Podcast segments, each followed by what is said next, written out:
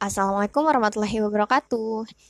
Ya, hari ini aku akan bacain kisah-kisah lagi um, buat kalian. Jadi di sini aku akan menceritakan kisah-kisah yang berasal dari buku Neng Koala. Kalian bisa cek aja di websitenya, cari aja Neng Koala. Nanti kalian bisa dapetin dalam bentuk versi yang PDF. Tapi kalau misalnya mau dengerin, silahkan boleh dengerin. Nah, pada hari ini kita akan membaca uh, kisah dari Sastri Pantodewo yang judulnya adalah Short Course untuk Business Fashionku. Oke, okay, let's go. S2, beasiswa. Kayaknya nggak pernah kepikiran. Saya cukup sadar dengan kemampuan otak yang pas-pasan. Tapi waktu itu, lihat broadcast message di grup WA soal beasiswa short course dari Australian Awards Scholarships atau AAS di awal tahun 2017. Saya tertarik banget topik yang dibuka sesuai dengan bidang kerja dan saya lagi merasa perlu refreshing dari kegiatan kantor 9 sampai 5 dari jam 9 pagi sampai 5 sore. Saya sedang dalam titik jenuh di kantor, dalam hati saya ngomong, wah hai, saya harus cepet dapet nih Waktu penutupan beasiswa tinggal dua minggu lagi. Sempet down waktu lihat syarat-syarat yang dibutuhkan. Perlu benar-benar meluangkan waktu untuk mengisi semua pertanyaan dan mengumpulkan dokumen yang diperlukan. Karena saya sudah bilang ke diri sendiri bahwa saya harus dapat beasiswa ini, saya langsung cari dan siapin semua dokumen yang dibutuhkan minta surat-surat yang diperlukan dari kantor, isi form pendaftaran yang cukup panjang, dalam tiga hari semua berkas sudah siap dikirim. Wah, cepet juga ya tiga hari. Jarak waktu penutupan di beasiswa dan kabar penerimaan gak terlalu lama. Dan setiap hari saya selalu buka webnya untuk cari berita terbaru. Niat banget. Sampai akhirnya berita bahagia itu datang, saya dapat email penerima beasiswa. Senang luar biasa, memang benar kata orang-orang kalau mau dapat beasiswa persiapannya nggak bisa asal-asalan. Wah, tiga hari padahal yang siap. keren, keren. Sedikit penjelasan tentang beasiswa yang saya ikuti, yaitu International Business Readiness, a short a course for the fashion and textile sector. Beasiswa ini dibuka untuk semua orang yang bekerja atau punya usaha di bidang fashion atau tekstil.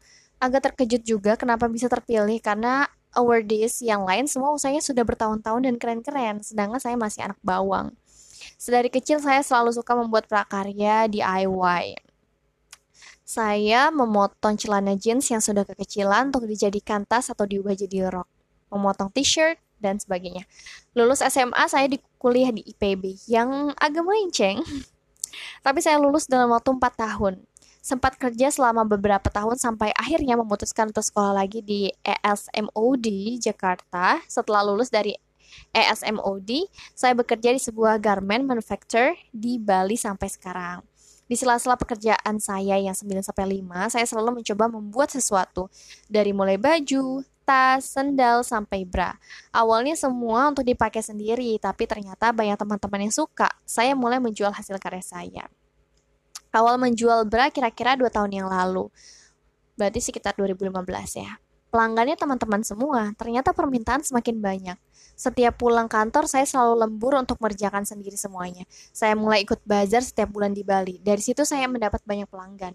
Pelanggan tetap saya selalu mencari booth saya setiap bulan. Selain bazar, saya juga mulai menjual di Instagram dan di butik-butik di Bali. Saya cukup beruntung, bos saya di kantor support dengan bisnis saya.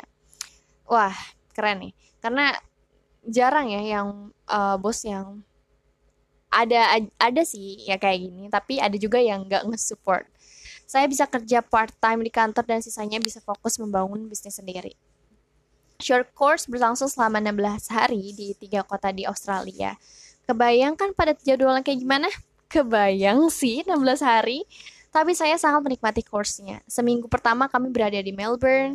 Menurut saya kota ini cocok untuk market research dan benchmarking fashion. Meskipun udaranya tidak bisa ditebak, Melbourne, kota yang nyaman untuk berjalan kaki. Hmm. Setelah kelas selesai, saya biasanya berjalan kaki di CBD, keluar masuk butik atau department store untuk market research. Tidak jarang kadang market research-nya berbuah belanja untuk diri sendiri. Di Melbourne, saya berkesempatan menghadiri Melbourne Fashion Festival, melihat fashion show dan fashion people Melbourne. Dari Melbourne yang ramai, kami pindah ke Brisbane yang sepi. Kami sempat pergi ke Nusa untuk menghadiri salah satu kelas. Nusa daerah pantai seperti di Bali. Fashion yang ditawarkannya juga berbeda dari Melbourne yang sangat kota. Dari Brisbane kami pindah ke Sydney, kota terakhir. Back to the big city. Sydney adalah kota terbesar di Australia lebih padat dari Melbourne, tapi cuacanya lebih enak buat saya dibandingkan Melbourne. Kebetulan saya pernah menghabiskan masa kecil saya di Sydney. Wah, wow, berarti bahasa Inggrisnya memang bagus. Jadi saya sempatkan sehari untuk nostalgia ke tempat-tempat yang dulu bisa saya datangi. Yang pasti, short course ini sangat bermanfaat untuk saya. Saya belajar banyak hal bagaimana mempersiapkan bisnis kita agar bisa siap untuk pasar internasional. Kami bertemu dengan berbagai praktis bisnis langsung di sana. Mendengar sharing ilmu dari mereka, bagaimana mereka awalnya membangun bisnis mereka, dan mendapatkan tips dan saran untuk kemajuan bisnis kami masing-masing. Banyak pekerjaan rumah yang harus diselesaikan setelah short course ini. Banyak ilmu yang saya dapatkan tidak hanya dari mentor-mentor selama di sana tapi juga dari semua awardees. Bonusnya dapat menambah koneksi bisnis dan pertemanan. Short course ini tidak berhenti sekali tidak berhenti saat selesai di Australia. Sekitar bulan Oktober ini akan diadakan post course Post course ini adalah seminar hasil dari proyek kita. Sebelum ke Australia, kami semua sudah berkumpul di Jakarta untuk pre-course selama tiga hari. Dalam pre-course, kita diberikan gambaran yang akan kita lakukan selama di Australia.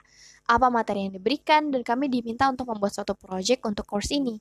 Setiap peserta tentu saja memiliki project yang berbeda tergantung goal masing-masing usaha.